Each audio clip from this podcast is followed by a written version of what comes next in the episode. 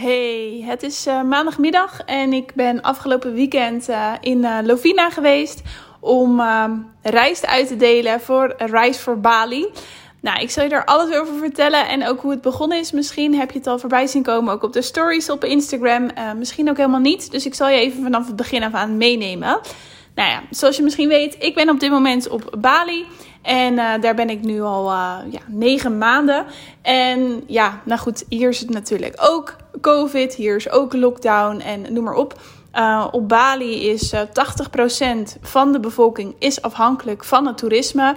Dus je begrijpt, die hebben het anderhalf jaar echt al super, super lastig. En ja, naarmate natuurlijk de tijd vordert, hoe lastiger het ook allemaal wordt. En ja, dat heeft ook gewoon zijn gevolgen hier natuurlijk. Nou, wat heeft het dan voor gevolgen? Nou ja, heel veel mensen hebben gewoon heel veel minder inkomen. En ja, dat betekent dat zij soms dus gewoon ook geen eten kunnen kopen. En nou je zal begrijpen, het systeem in Indonesië is nou niet ingericht zoals in Nederland. Dus ja, dan, dan heb je gewoon echt letterlijk een probleem. En gelukkig is um, hier op Bali en überhaupt in heel Indonesië is het communitygevoel natuurlijk heel sterk. Um, ik denk dat dat ook echt de redding is van heel veel mensen hier. Want ja, de armoede is wel echt uh, merkbaar. En um, ja, ik denk doordat dat communitygevoel, uh, wat dus zo sterk ook in de cultuur verweven zit, dat het zo sterk is dat dat uh, ja, dus de redding is van, van heel veel mensen. Maar dat neemt natuurlijk niet weg dat er alsnog echt een gigantisch probleem is. En nou ja, in, in de tijd dat ik hier ben, nu op Bali, inmiddels al negen maanden, misschien inmiddels al tien maanden. Ja, heb ik dat natuurlijk ook ja, meegekregen. Um, niet, niet iedere dag, maar ja, zo nu en dan uh, merk je dat. En zeker als ik hier uh, Canggu uitga, dan, dan merk je dat wel echt. En ik, um, nou, ik weet niet of je dat ook al eerder hebt meegekregen uit mijn podcast of uit mijn stories. Maar ik heb tijdens mijn studietijd uh, aan de VU in Amsterdam ook uh, onderzoek gedaan met een, uh, was een zeg maar zo'n site project. Dus dat had zeg maar niet zoveel met mijn studie zelf te maken.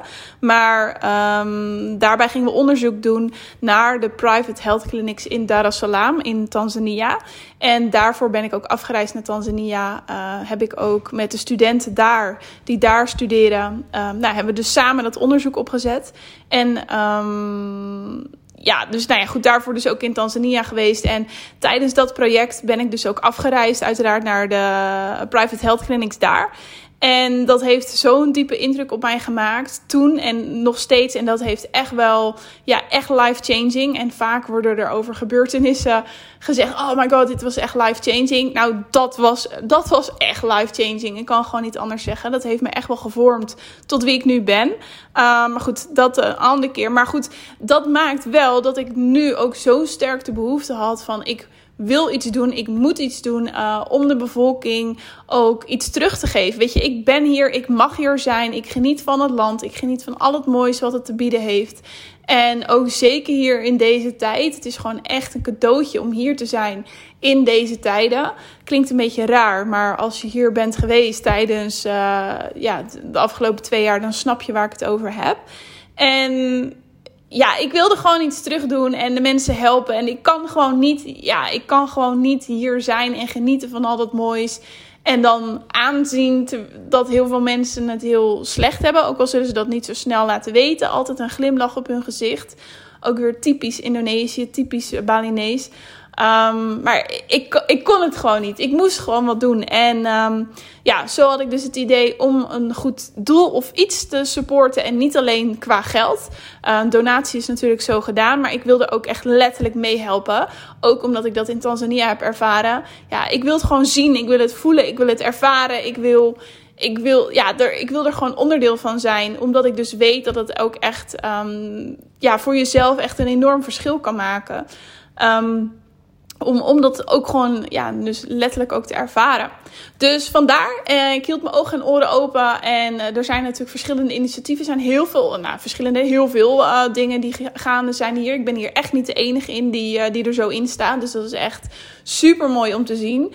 Maar goed, ik vond het wel belangrijk om iets te vinden wat natuurlijk ook echt bij mij past. Wat, ja, waar, waarbij ik echt gelijk een vuurtje voelde van, oh ja, dit klopt. En nou, op een gegeven moment kwam er iets voorbij op mijn tijdlijn. Uh, op Instagram. En uh, ik dacht, ja, dit is het. En um, haar naam is Angie. Uh, zij kwam voorbij op mijn tijdlijn. En ja, dat is een hele bijzondere vrouw. zij heeft Rise for Bali opgericht. Um, voor COVID heeft zij ook al heel veel goede initiatieven gestart. En bijvoorbeeld een school voor, um, ja, voor, voor kinderen om Engels te leren. Zodat ze een veel uh, betere toekomst tegemoet gaan hier op Bali. Omdat nou ja, dus 80% van het toerisme afhankelijk is. Ja, het is gewoon fijn als je gewoon goed Engels spreekt. Dus um, zij is een school begonnen waarbij dus kinderen gratis les kregen in Engels in ruil voor een halve kilo plastic. Um, dus ja, zo pak je ook nog eens het plastic probleem aan. Ja, ik vond het echt geniaal. Maar goed, door dus COVID is dat ook wat minder. Ja, is natuurlijk lastiger met groepen en, eh, en, uh, enzovoort. Dus nou, uiteindelijk is er dus Reis voor Bali gestart om dus de lokale bevolking in Bali van reis te voorzien. Om, ja, omdat het gewoon, ja, omdat zoveel mensen gewoon zoveel armoede ervaren. En dat het dan ook gewoon al heel lastig is. Nou ja, je zal begrijpen, reis is gewoon echt wel een, een basis um, ja, voedingsmiddel hier. En nu denk je misschien, ja, nou, het stikt natuurlijk van de reisvelden op Bali. Hebben mensen dan echt gewoon geen geld om, om aan reis te komen? Uh, nee, het antwoord is nee. Uh, vooral namelijk niet in het noorden van Bali, want daar zijn namelijk geen reisvelden. Daar is de grond niet geschikt voor, ja, voor rijst, wel voor uh, groenten en fruit. Dus dat verbouwen ze daar dan ook. Maar ja, rijst niet. Dus ja, dat is dan wel echt een probleem. En zo is Angie dus Rijst voor Bali gestart. Om dus de mensen, nou vooral in het noorden van Bali, dus te voorzien van rijst. En even voor jouw beeldvorming, een zak, of nou niet een zak rijst, maar uh, voor 6 euro, nog minder dan 6 euro, kunnen er al, uh, kan een gezin van uh, twee kinderen, dus vier personen, kunnen alweer 10 dagen eten. Dus voor 6 euro, minder dan 6 euro, kan een gezin alweer 10 dagen eten van die reis die, uh, die dus uitgedeeld wordt, die zij uitdeelt. Ja, dat is natuurlijk echt top. Um, dus Angie, het enige wat zij nu doet, is alleen maar donaties regelen, vragen, hier ja, rugbaarheid aangeven. En ook inmiddels heeft ze een heel netwerk opgezet. En die vrouw is echt zo slim en zo, ja, echt een hele, hele mooie, lieve vrouw. Um, en ze heeft dus echt een heel team in verschillende dorpen. Allemaal vrijwilligers die haar helpen met het uitdelen van de rijst. En ik nou ja, ben dus in contact gekomen met haar. Ik stuurde haar een berichtje. Ik legde haar de situatie uit. En ik was van harte welkom om ook te helpen als vrijwilliger. Nou, naarmate de tijd vorderde vertelde ik zo hier en daar uh, mijn vrienden hier op, uh, op Bali erover. En uh, die zeiden: Ja, als je gaat, als je dat gaat doen, dan wil ik echt super graag mee. Nou, zo was het dus dat wij afgelopen weekend afreisden naar Lavina met, ja, met een groep vrienden om, um, om te helpen met, met de reis te uitdelen. En um, ik had Angie al ontmoet hier in Canggu. Um, we hadden haar ook weer in uh, Lovina ontmoet. De avond, uh, vrijdagavond. En uh, namen ook even de dag door van wat ging er allemaal gebeuren de volgende dag op zaterdag. Um, dus nou ja, zaterdag gingen we dus de reis uitdelen. en ja, hoe was dat? Ik, oh mijn god, het heeft zo'n diepe indruk gemaakt. Ik dit is eigenlijk nu het eerste wat ik er echt over deel. Um, ik heb het hele weekend ook er helemaal niks over gedeeld. Ik heb wel foto's genomen, video's, en, um, uh, maar ik heb er niks over gedeeld op de stories. Het was zo indrukwekkend. Ik denk dat ik alle emoties heb ervaren die je kan ervaren. Uh, op één dag in een paar uur. Het was echt zo intensief en ook vooral echt heel erg mooi. Um, ja, ik heb er gewoon geen woorden voor. Ik ben nog steeds aan het verwerken. Dus ik doe echt mijn best om er een samenhangend verhaal van te maken. Maar nou ja, goed. Hoe is de dag begonnen? Wij gingen met z'n allen. Zij haalden ons op van, uh, bij het hotel. En uh, we zijn toen, uh, ja, eigenlijk op een hele grappige manier. we hadden te weinig zitplaatsen in de auto. Dus nou, half over de zakken rijst. mensen zittend, hangend. op, de, op de laadbak zijn we, zijn we naar het eerste dorp gegaan. En daar stond dus ook een uh, team klaar met uh, nou ja, mensen die daar, uh, die daar wonen, die daar in ieder geval bekend zijn, die de weg weten. Allemaal op een scooter. Um, dus wat wij deden is, we pakten dan een, een zak rijst van, van de car natuurlijk. En dan op de scooter één of twee zakken, want ja, niet te veel. Want ja, de driver zat er natuurlijk ook op. En wij gingen dan natuurlijk ook achterop, dus wij gingen ook zo mee. En ja, het was echt super heuvelachtig, stijl, bergen, whatever hoe je het wil noemen. Um, maar ja, dus daarom ook niet meer dan twee zakken kon je meenemen. Want anders kwam je dus gewoon simpelweg de berg niet op. En soms moesten we ook even een zak achterlaten. Um, om dan even heen en weer te rijden. Want ja, anders kwamen we dus gewoon simpelweg uh, de berg niet op. En nou ja, zo hebben we dus uh, ja, reis uitgedeeld in, in de dorpen. En nou, toen we daar klaar waren, gingen we weer naar het volgende dorp en weer naar het volgende dorp. Dus dat is eventjes hoe onze dag er zeg maar uitzag. Maar het was zo indrukwekkend omdat ja, dan zit je achterop op de scooter. En ja, het uitzicht. Het, zijn ook echt wel af, afgelegen plekken. Dus het is niet dat je, ja, dat je daar heel makkelijk komt. Uh, de auto moest op een gegeven moment ook achterlaten. Het was echt alleen maar, je kon er echt alleen maar met de scooter rijden. En ja, dat was echt zo bijzonder om daar achterop te zitten. Het uitzicht en ja, dan met die zakken op pad naar de, naar de locals. En soms echt in de middle of nowhere. Dat het pad ook echt gewoon stopte. En dan toch nog doorrijden door de natuur. Om, uh, ja, om bij de ja, huizen te komen. Of misschien kan ik beter zeggen hutjes. En uh, ja, het is echt... Ja, ik, ik vond het echt heel lastig. Um, dan sta je daar, weet je, als blanke Europeaan. Met je nieuwste iPhone in je handen. Met mensen die, bij mensen die in hutjes wonen. Um, ja, anders kan ik het niet noemen. Heel klein ook.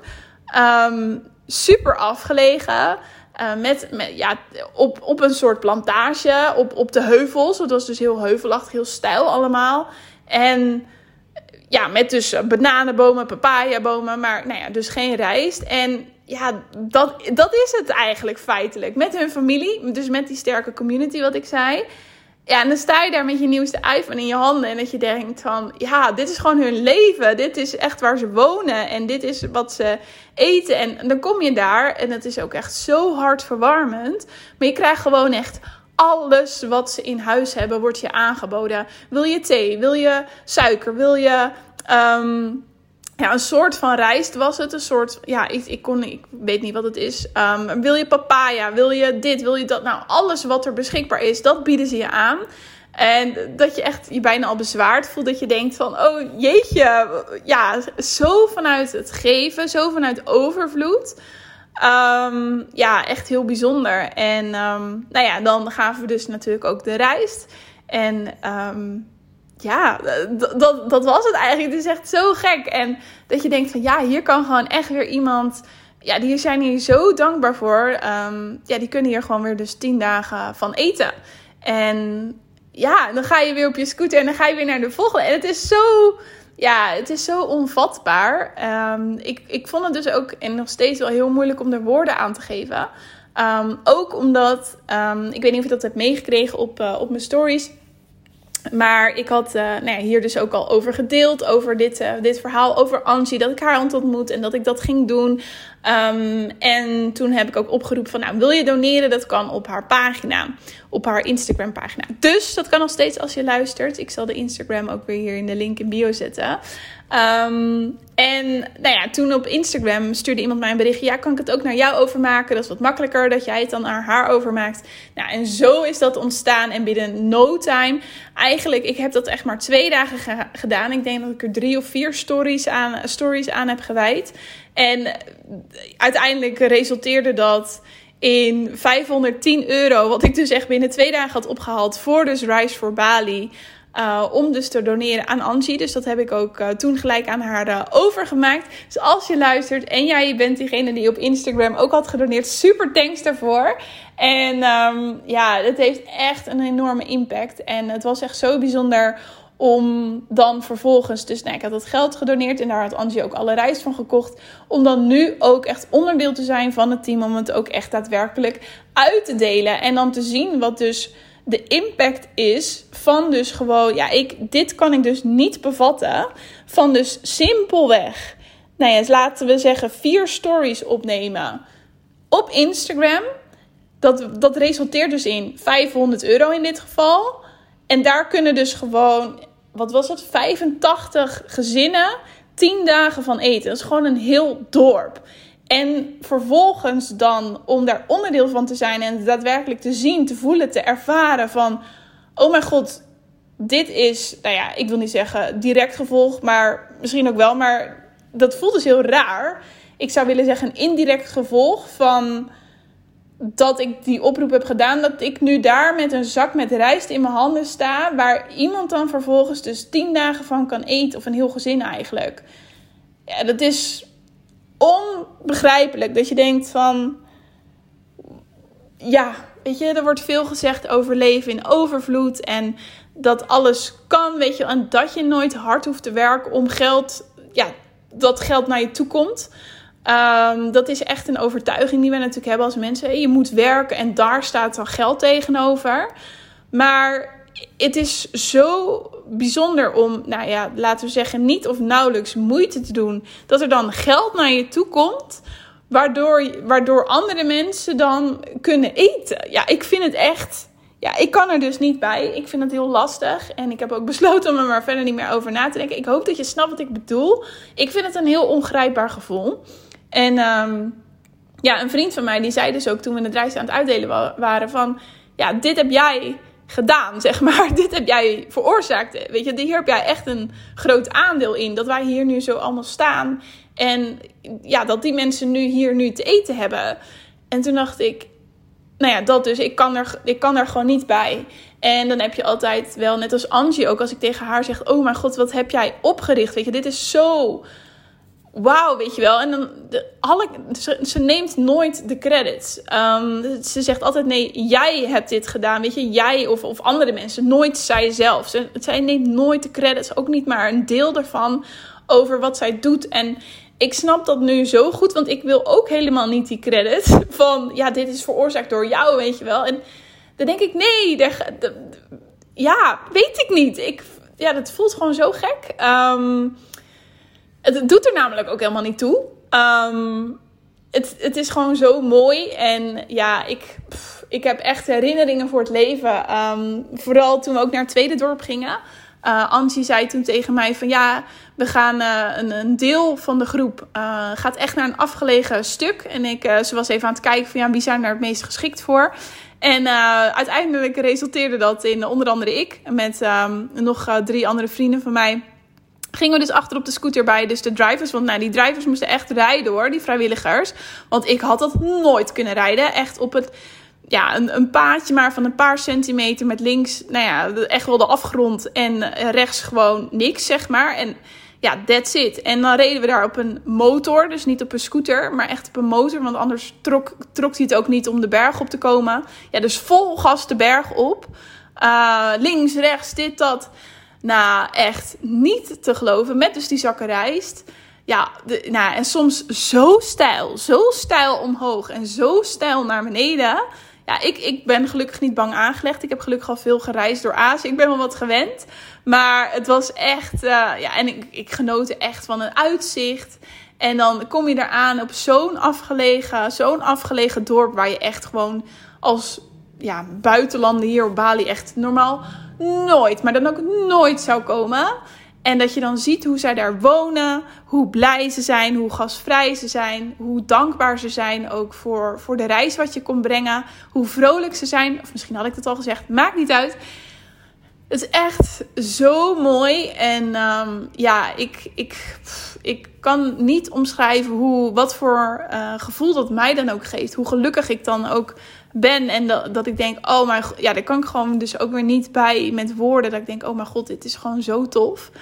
Um, ja, dus dat, dat was eigenlijk de, de hele reisuitdeelervaring.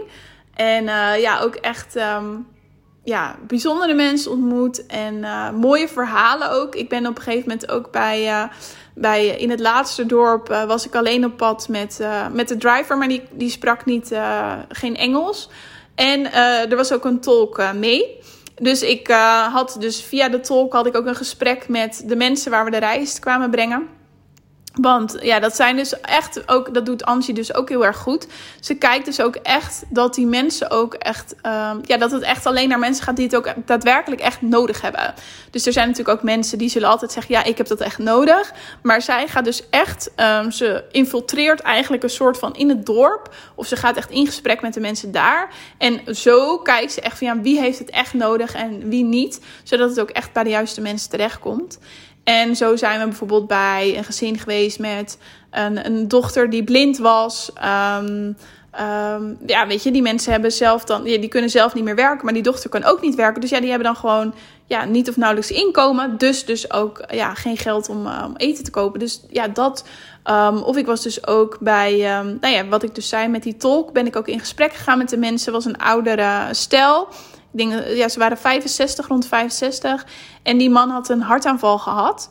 En uh, nou ja, goed, de zorg is natuurlijk ook niet zoals in Nederland. Dus uh, ja, hij kon eigenlijk niks meer. Hij, um, ja, ja, daar kwam het eigenlijk gewoon neer. Hij kon niks meer. Hij zat eigenlijk de hele dag op een bankje en dat was, dat was het eigenlijk.